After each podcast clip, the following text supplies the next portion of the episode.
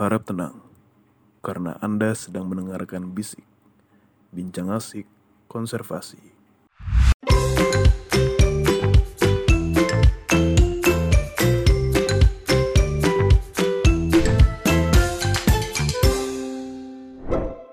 Assalamualaikum warahmatullahi wabarakatuh Hai hai halo Generasi konservasionis. Selamat siang semuanya. Gimana nih kabarnya? Moga baik-baik aja ya teman-teman. Balik lagi ke podcast Bisik Bincang asik konservasi bersama saya Kafa Farial Iman Atau biasa disapa Kafa dari DKSHE Dan tentunya pada podcast Bisik kali ini Kita akan berdiskusi ria terkait dengan dunia konservasi Khususnya di dunia satwa liar di jenis reptilia dan juga amfibi teman-teman. Tapi nantinya kita akan mengkerucutkan lagi kepada jenis reptil nih teman-teman. Waduh mungkin teman-teman di sini udah pada uh, penasaran ya kira-kira kita mau bahas apa? Langsung saja mungkin aku uh, perkenalkan dulu nih narasumber yang tentunya sangat relevan dan juga kompeten terkait dengan topik yang akan kita bahas pada siang hari ini. Mungkin langsung aja aku sambut ada Teh Rizky Nanti Maulida dari DKSAE dan beliau merupakan ketua dari kelompok pemerhati Herpetofauna. Himpunan Mahasiswa Konservasi Sumber Daya Hutan dan Ekowisata IPB University. Halo Teh Rizky. Halo Kafa. Selamat siang Teh, gimana nih Siang. kabarnya? Uh, kabar aku alhamdulillah baik. Alhamdulillah. Kemarin baru selesai UTS ya sama UPRA. Kafa sendiri gimana kabarnya? Alhamdulillah kalau kesehatan baik juga teh. Tapi kalau UTS aku belum kelar nih teh. Tapi em, aku mau lanjut lagi. Besok ada satu mata kuliah lagi yang perlu diselesaikan UTS-nya gitu. Nah oke mungkin teman-teman eh, kita langsung saja mempersilahkan untuk Teh Rizky untuk memperkenalkan diri terlebih dahulu nih sebelum kita tanya-tanya selengkapnya nantinya. Oke Teh Rizky silakan. Oke, halo Kafa dan halo semuanya. Perkenalkan aku Rizky dari eh, Departemen Konservasi Sumber Hutan Ekowisata juga dan aku dari kelompok pemerhati Herpetofauna Piton Himakova dan kelompok pemerhati Herpetofauna ini adalah kelompok pemerhati yang berfokus pada bidang herpetofauna yaitu amfibi dan reptil nih. Oke teh. Oke mungkin em, aku pengen tanya-tanya terkait dengan kelompok pemerhati yang teteh dalami saat ini gitu. Kan teteh tadi katanya ketua ya, ketua dari KP ini. Dan kira-kira kegiatan seperti apa sih teh di dalamnya atau eh, apa saja dilakukan oleh kelompok pemerhati ini? Nah, untuk kegiatan yang dilakukan oleh kelompok pemerhati yang ada di Himakova itu, yaitu khususnya kelompok pemerhati Herpetofauna Piton, itu melakukan kegiatan seperti monitoring kampus nih Wah. terkait herpetofauna yang ada di kampus dan kegiatannya ini yaitu mencari reptil dan amfibi Oke. tentunya di lokasi-lokasi di kampus yang memungkinkan ditemukannya kelompok-kelompok herpetofauna tersebut.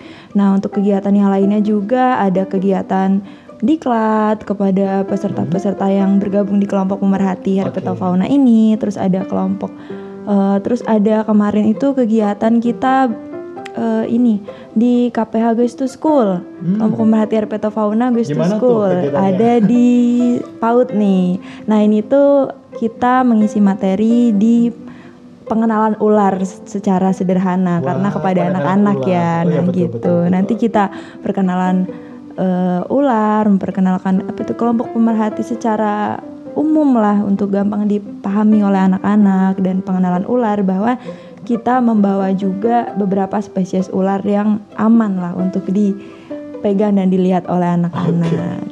Oke. Bener banget ya teh. Kalau misalkan aku tuh kalau mencerminkan diri waktu kecil emang kalau anak kecil tuh rasa penasaran tuh tinggi. Apalagi kalau misalnya eh, apa ya penanaman eh, motivasi ataupun penanaman pelajaran kepada anak kecil itu sangat diingat gitu. Sampai sekarang pun aku kalau eh, kalau misalnya ingat-ingat masa-masa kecil tuh pasti bakal keinget banget sama hal-hal yang menarik yang waktu terjadi di masa-masa itu.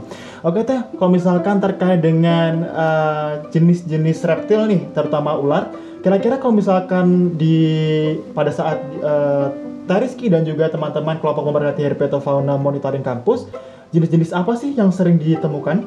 Untuk jenis yang akhir-akhir ini ditemukan ketika monitoring kampus atau monkam dari kelompok pemerhati herpetofauna piton ini, itu kita sering menemukan ular pucuk, yaitu ular presina, Ular terus ada ular siput, Hmm? Terus ada ular hmm, ada sejenis ular dendre lapis atau ular lidah api dari beberapa dendre yaitu ada dendre formosus, dendre lapis formosus, terus ada dendre lapis pictus dan la- dendre lapis yang lainnya juga. Terus juga kita sering bertemu ular eh, seperti ular cicak, terus ular dan di sini tuh juga ada ular kobra nih, kobra Ular Jawa kobra. itu Najas putatrix dan isunya di sini juga ada ular king cobra nih, tapi aku King belum cobra. pernah melihat kalau ada uh, king cobra. Terus Waduh, ada waduh. juga ular viper, Trimeresurus albolabris itu yang paling banyak sih sebenarnya ular berbisa yang paling banyak yang sering aku temui itu yang warnanya hijau, yang kepalanya segitiga dan ekornya merah itu sering ada di IPB dan itu harus berhati-hati ya bagi Oh, teman-teman yang eh, jalan-jalan mungkin berusuk-berusuk di IPB karena itu Iya. cukup banyak. Terus ada juga ular cincin mas, ada ular hmm, weling atau ular wel- dan ular welang gitu. Wih banyak banget ya teh kalau misalnya aku dengerin tadi. Nah kira-kira kalau misalkan ba- lebih banyak yang mana nih teh? Kalau misalnya jenis ular yang berbisa atau tidak berbisa kalau di kampus nih?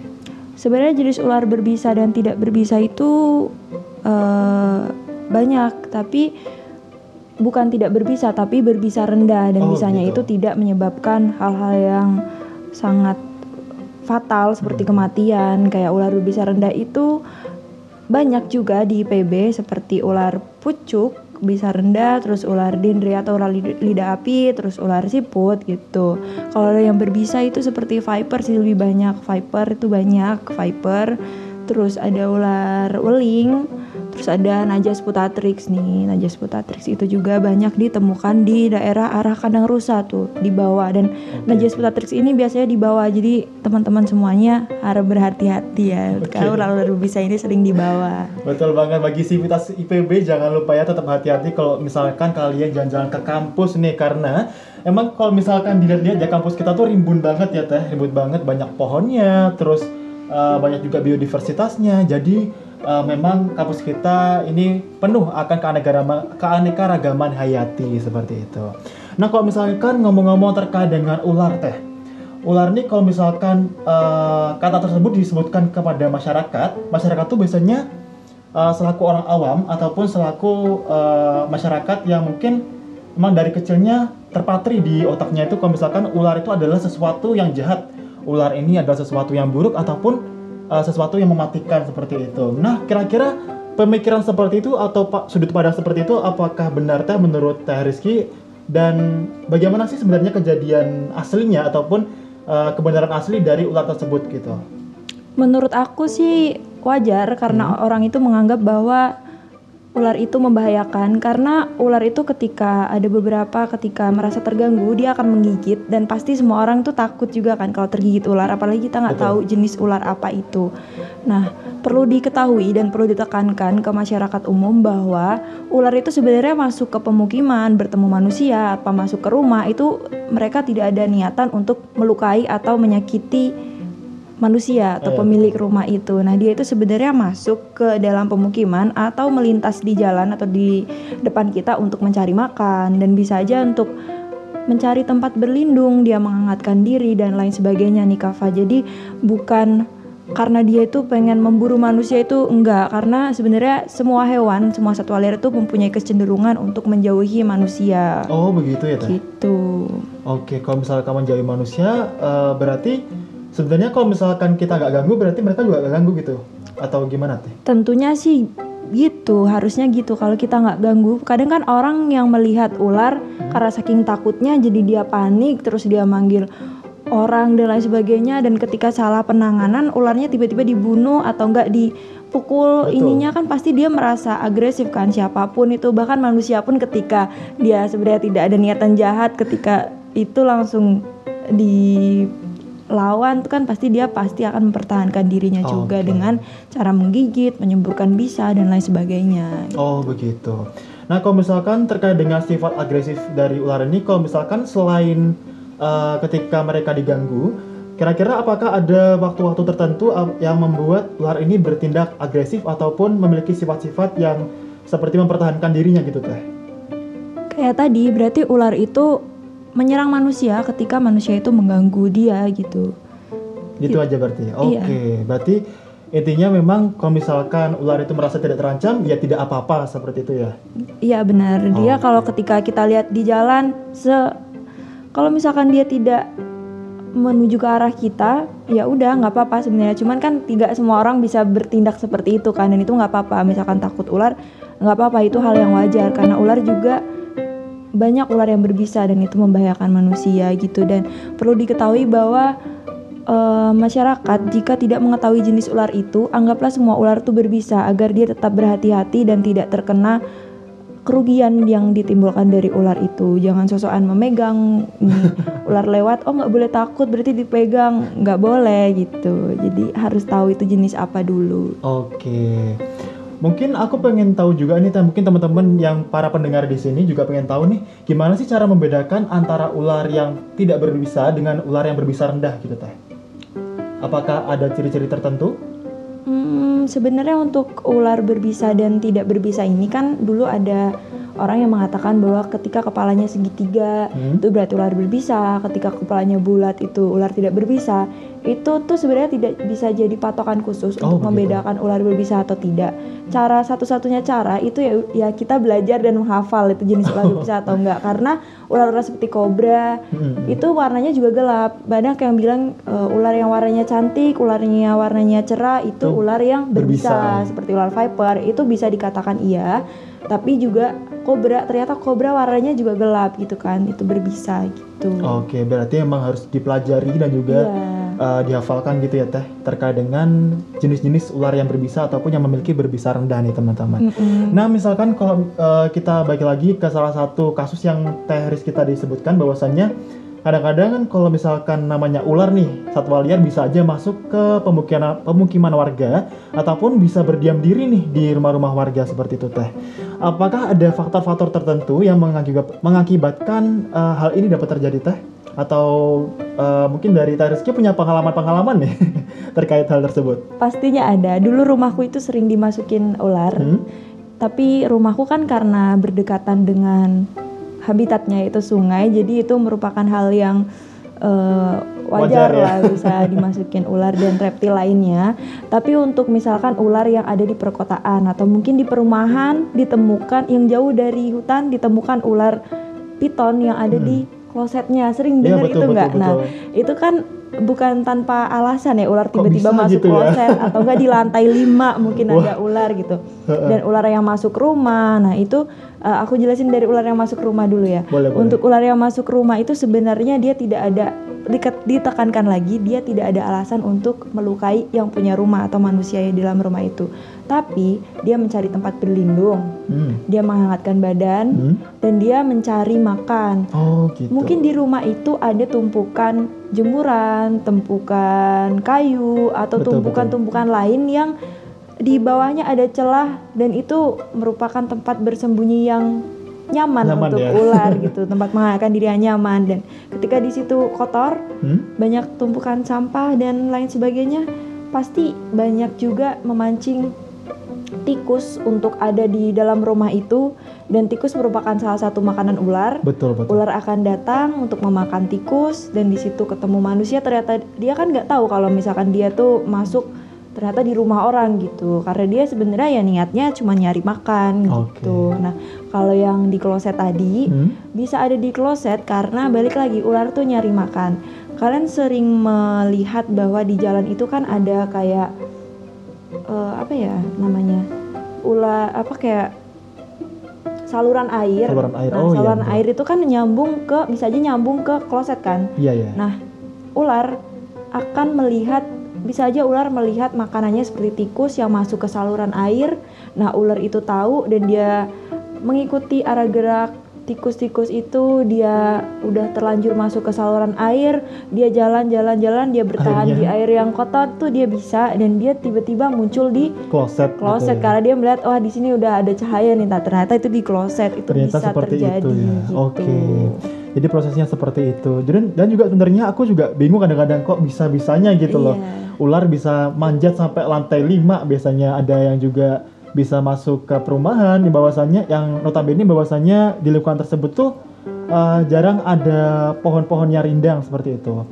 Nah mungkin kalau terkait dengan cara penanganannya ketika ada kasus seperti itu gimana teh? Kalau misalkan ada ular yang tiba-tiba berdiam diri di rumah, kira-kira apakah masyarakat langsung boleh untuk menghalaunya ataupun eh, apakah ada cara lain nih teh? Untuk cara ini tuh kita ada eh ki- eh, setahu aku ada dua cara. Oke dua cara apa aja tuh? cara orang yang berani sama orang yang tidak berani. Waduh gimana tuh?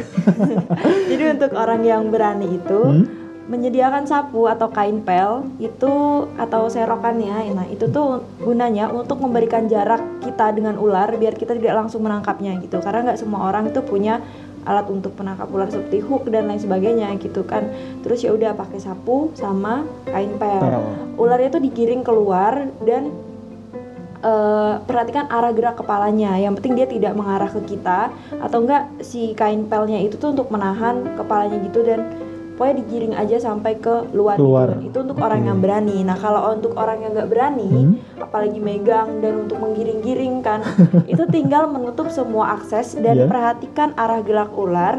Misalkan ularnya bergerak ke arah pintu, berarti tutup jendela, tutup lubang yang memungkinkan ular itu untuk eh, keluar selain dari pintu gitu. Hanya fokuskan satu arah untuk ular itu keluar. Nah, ketika ular itu sudah keluar bisa langsung lapor ke orang-orang terdekat gitu. Nah, jangan lupa nih kalau misalkan Kava atau enggak teman-teman semuanya ketika melihat ular, perhatikan warna, corak, terus bentuk kepala, ukuran dan lain sebagainya untuk memudahkan identifikasi jika terjadi hal-hal yang tidak diinginkan nih untuk mempermudah orang-orang atau pihak-pihak lain itu untuk mengidentifikasi sebenarnya jenis ular apa yang ada di situ gitu. Oh begitu teh. Berarti itu tadi ya teman-teman terkait dengan cara penanganan yang baik dan benar itu tadi ada yang buat orang berani ataupun ada orang yang nggak berani. Tapi kalau misalnya aku sendiri sih eh, cukup berani teh kalau misalkan untuk menggiring seperti itu. Tapi kadang-kadang juga eh, orang-orang keburu-buru untuk membunuh ular tersebut teh. Apakah eh, tindakan tersebut sebenarnya benar ataupun ataukah eh, apa ya semacam ada kekeliruan nih kalau misalkan terkait dengan hal tersebut. Tindakan membunuh kan jelas salah ya. Jelas sebenarnya ular juga merupakan salah satu makhluk Tuhan Makhluk yang hidup. Maha Esa kan. Iya betul. Dia juga berhak hidup dan sebenarnya tuh dia masuk tuh balik lagi dia nggak pengen nyakitin manusia dia pengen nyari makan kok tiba-tiba dibunuh itu sudah tindakan yang salah gitu apalagi ketika ular itu tuh ular yang langka mungkin ketika di daerah di luar Jawa gitu kan nah itu salah sih sebenarnya nah biasanya untuk ular yang masuk rumah itu dia bisa digiring atau enggak di rescue nih di KPH juga ada nih Wah, eh, keren KPH banget. rescue nanti ada KPH rescue Oke. gitu nah untuk misalkan memanggil damkar itu bisa Hmm. kan atau Oh orang-orang betul yang betul betul. bisa mengambil ular memang begitu Oh, oke. jadi sebisa mungkin jangan dibunuh lah karena dia juga berhak hidup dan dia juga eh, hewan yang mungkin dia nyari makan untuk untuk dia mempertahankan hidupnya untuk yang lain sebagainya gitu Oke. Oke bener banget ya terkait dengan eh, kalau misalkan eh, emang pemanggilan seperti damkar dan juga bantuan-bantuan dari orang-orang yang bisa untuk menghalau itu juga diperlukan bagi orang-orang yang mungkin kurang tahu nih terkait dengan penanganannya seperti apa. Nah kalau misalnya yang sering aku denger nih kalau misalkan eh, ada ular yang masuk ke dalam rumah, kita bisa menghalaunya dengan cara menaburkan garam di sekitar ularnya nih Teh katanya gitu. Soalnya kalau misalkan bapak ibu aku atau kakek nenek aku taunya seperti itu, apakah hal tersebut juga benar teh?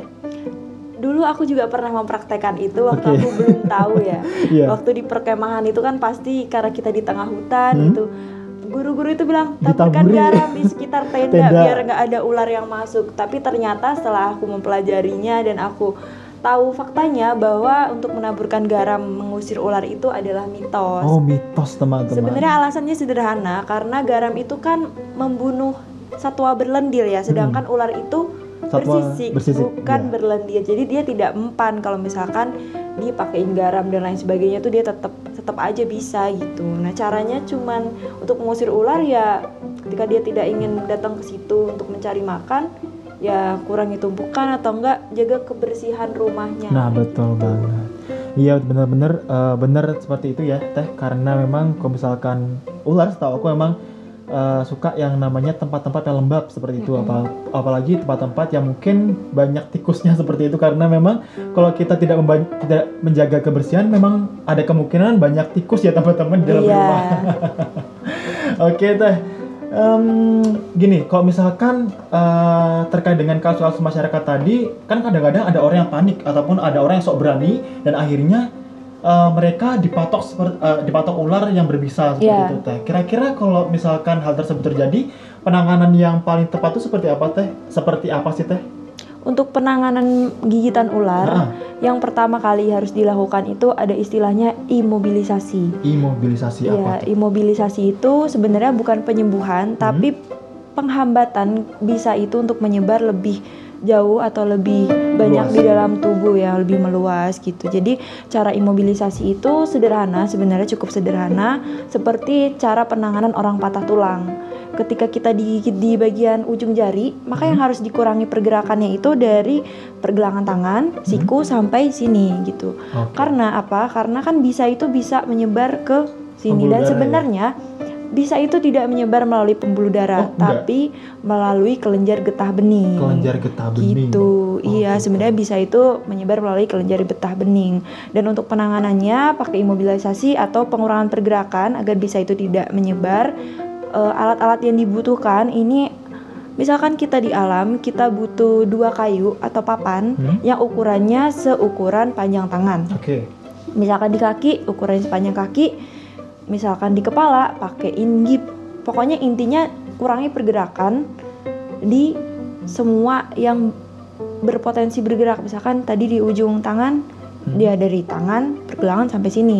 Di ujung kaki atau di dengkul semuanya dari sini sampai paha gitu dikurangi agar bisa itu tidak menyebar. Caranya pakai papan kemudian pakai kain atau pakai tali apa pun itu gitu. Misalkan di rumah nih pakai jilbab yang lebih panjang itu untuk dua sini loh ditahan gitu. Mungkin karena nggak ada alatnya jadi kasih bayangan aja nggak apa-apa ya. di sini kan ada dua papan nih di sini Hmm. sama di sini. Terus nanti diikat diikat diikat. Kan kalau udah ada papan gini-gini tetap nggak apa-apa kan? Maksudnya Iya. di sininya nggak gerak-gerak gerak nah itu bisa pakai papan kayu bisa pakai pelepah pisang atau bisa pakai kayu lain sebagainya intinya yang begitu. Dan ditunggu selama 2 kali 24 jam ketika bisanya itu tidak menyebar atau tidak malah membekak dan lain sebagainya berarti imobilisasi itu berhasil untuk menghambat bisanya tidak menyebar. Gitu. Nah ketika semakin nambah nambah nambah Hmm? ketika diimobilisasi harus segera dibawa ke rumah sakit Rumah rumah sakit. sakit terdekat. Karena di Indonesia ini punya namanya anti bisa ular nih Anti polivalen nih gitu. Nah untuk setelah digigit ular jangan lupa memfoto atau memperhatikan ciri-ciri ular yang menggigit itu apa gitu Alasannya buat apa tuh teh? alasannya untuk memudahkan pihak rumah sakit atau penanganannya untuk memberikan anti bisa ular yang diberikan itu. Misalkan ular ini yang menggigit, oh ini sangat berbisa gitu. Misalkan digigit kobra gitu, ini sangat berbisa. Makanya untuk memudahkan proses identifikasi ular itu gitu. Oh gitu. Nanti kalau misalkan eh, yang aku tahu nih ya, kalau misalkan kita digigit ular-ular yang berbisa seperti kobra ataupun ular-ular hijau ya, atau ular apa teh? Yang- Viper. Viper ya. Bangkai viper. laut ya, ular Oke. viper.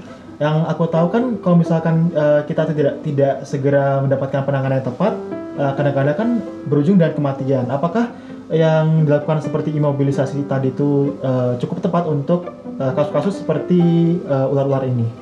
Tepat karena memang penanganan bisa ular itu pakai imobilisasi, pakai tadi cara yang pengurangan pergerakan seperti cara penanganan patah tulang itu untuk membantu biar bisanya itu nggak segera menyebar, tapi tetap harus dibawa ke pihak rumah sakit atau dibawa ke eh, klinik yang bisa menangani hal tersebut gitu. Apalagi ketika ularnya berbisa dan sebenarnya gigitan ular ini ada dua nih Kafa Oke. dan teman-teman ada gigitan ular basah dan gigitan ular kering.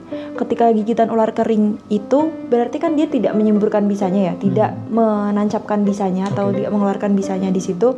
Berarti itu cukup aman dan Kalau yang ada basah, bisanya. Nah, yang misalnya yang basah itu yang menyebabkan orang yang digigit itu bisa mungkin bengkak atau lain sebagainya, bisanya bisa menyebar gitu. Nah, Oh, gitu. untuk ular itu kan kadang dia menggigit itu kan Hmm. untuk pertahanan diri kan biar manu- eh, manusia yang digigit itu tahu kalau dia itu nggak pengen diserang gitu Hmm. ya udah dia menggigit itunya tapi bisa aja gigitan yang diberikan ular itu nggak selalu gigitan basah gitu yang membahayakan gitu. Oh oke. Baik seperti itu seperti itu ya teman-teman terkait dengan eh, cara penanganannya teman-teman terutama tadi terkait dengan teknik imobilisasi tadi teman-teman untuk menghambat ya menghambat eh, kinerja Penyebaran dari penyebaran bisa. dari bisa ular tersebut tadi. Oke mungkin aku balik lagi nih terkait dengan kelompok pemerhati herpetofauna yang teteh eh, dalami saat ini. Em, kegiatan kan tadi katanya eh, monitoring kampus tuh teh. Kalau misalkan eh, teman-teman dari herpetova dari KP herpetofauna ini mendapatkan reptil tersebut atau misalnya ular, apa sih kira-kira kegiatan yang dilanjutkan untuk eh, aktivitas selanjutnya ataupun apa sih kira-kira tindakan ataupun eh, kegiatan yang dilakukan setelah mendapatkan mereka seperti itu? Untuk kegiatan monkap ini kan kita Hmm. untuk mencari reptil dan amfibi. Nah, Hmm. ketika kita menemukan reptil, kita itu mendata di mana reptil itu ditemukan, terus ditulis juga jaraknya dia dengan air, jaraknya dia dengan tanah, kemudian diidentifikasi jenis ular itu apa dari dan diukur panjangnya, terus SPL, STL gitu ada istilahnya untuk pengukuran panjang, terus diukur beratnya. Dan diidentifikasi itu bisa dari sisik, sisik di atas dan sisik di samping kepalanya, di bawah matanya itu. Kemudian dimasukkan ke data dan data itu nanti bisa diolah atau dipakai untuk eh, penelitian, data untuk anekaragaman kampus dan untuk penerbitan jurnal jurnal ilmiah nih. Dan perlu diketahui bahwa kami kelompok pemerhati herpetofauna selalu menerapkan SOP ketika melakukan monitoring kampus dengan memakai pelindung kaki seperti sepatu boot Oke. yang setinggi yang tinggi gitu untuk mengurangi resiko, Resiko. tergigit ular yang ada di bawah seperti viper tanah dan kobra. Oke. dan kita juga memakai headlamp gitu. Dan kita juga membawa tongkat ular itu namanya hook untuk menangkap atau untuk mengurangi untuk mengurangi apa ya? Resiko gangguan ya resiko. langsung diserang gitu ya, iya untuk memberikan jarak kepada Oke. ular gitu. Oke, berarti alat-alat dan sarana yang dilakukan atau yang dipakai itu tadi itu tadi itu ada hook, ada sepatu yang sepatu boot. sepatu boot tinggi ya, Mm. dan juga ada? Headlamp atau center Headlamp, oh, itu oke. karena malam ya. Oh iya, oh malam, kan pengamatan Oh, betul. iya. Amfibi dan reptil itu aktif di malam hari terutama reptil gitu kan mencari makan di malam hari. Dan reptil itu aktif di dan berkembang biak ya Eh, banyak ditemukannya itu biasanya di musim hujan nih untuk Oh, mencari makan hujan. karena musim hujan ini tikus-tikus banyak keluar Hmm? kadal dan lain sebagainya dan itu merupakan makanan ular jadi dia banyak ditemukan di musim hujan juga Oke, kalau sekarang lagi musim penghujan atau enggak nih teh? Lagi Kalau Bogor sih kayaknya selalu hujan. ya? Jadi hati-hati aja gitu. Oke, nah kalau misalkan terkait dengan waktu tadi teh, waktu teman-teman eh, melakukan kegiatan monitoring monitoring kampus itu pada pukul berapa teh kalau misalnya lagi malam? Kalau untuk monitoring kampus itu bisa dilakukan dari jam 8 Hmm? sampai jam 10. Untuk pengamatannya kan 2 jam gitu Hmm. kan di kampus. Dan itu malam dan juga kita melakukan kegiatan monitoring kampus dengan metode kita melakukan pakai dua metode. Yang malam itu metode aktif, Hmm. yaitu kita aktif mencari, kita yang mencari, dan kita Oke. juga melakukan pengamatan pagi nih, Pagi? pagi. Jam Tapi pagi itu jam sekitar jam 9 sampai 9. jam 11 karena itu kan panas. Hmm. Tapi ini kita berfokus pada reptil seperti kadal dan cicak, bukan ular untuk pagi-pagi ini. Kita pakai pengamatan pasif yaitu dengan menggunakan glue trap, kita memasang trap menggunakan lem tikus untuk menangkap jenis-jenis seperti kadal. Kalau untuk ular itu kita biasanya menemukannya di malam hari itu pakai metode aktif yang tadi. Kita berjalan dengan mencari ular dan amfibi lainnya gitu. Oh begitu kegiatannya. Wah keren banget kelihatan- kelihatannya ya buat kelompok pemerhati herpetofauna ini ya teman-teman. Bagi yang pendengar nih para pendengar yang pengen masuk IPB jangan lupa nih ya. Terutama kalau kalian pengen masuk ke departemen KSAE atau konservasi sumber daya hutan dan ekowisata boleh nih gabung ke salah satu kelompok pemerhati seperti kelompok pemerhati herpetofauna. Ini yang didalami oleh Terski Oke, mungkin em, sekian aja teh untuk pertanyaan-pertanyaan aku sampaikan di sini. Mungkin sebelum kita berakhir eh, mengakhiri podcast hari ini, kira-kira adakah pesan-pesan tertentu yang ingin Teteh sampaikan kepada para pendengar? Ada pesanku karena kita membahas rep, Betul. ul- reptil ular gitu. Untuk pesan aku untuk teman-teman semuanya, ketika tidak mengetahui jenis ular itu, anggaplah semua ular itu berbisa untuk mengurangi resiko diserang ular itu gitu. Itu aja sih. itu aja ya. Iya, ketika nggak tahu jenisnya, anggap aja semua ular itu berbisa. Oke teman-teman. Oke mungkin kalau misalkan kata Teris kita tadi anggap aja semua ular berbisa tapi jangan lupa juga kalau misalkan lakukan penanganan yang benar seperti topik kita hari ini cara penanganan yang benar terkait dengan ular ya teman-teman. Oke baik mungkin terima kasih saya ucapkan kepada Teriski selaku narasumber kita pada podcast episode kali ini dan juga kami ucapkan terima kasih kepada studio DKSAE yang sudah memberikan fasilitas yang luar biasa sehingga kita bisa melangs- melangsungkan acara podcast uh, bisik hari ini.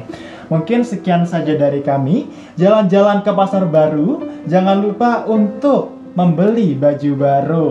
Baik, sekian dari kami dan tentunya sa- sampai jumpa dan sa- wassalamualaikum warahmatullahi wabarakatuh.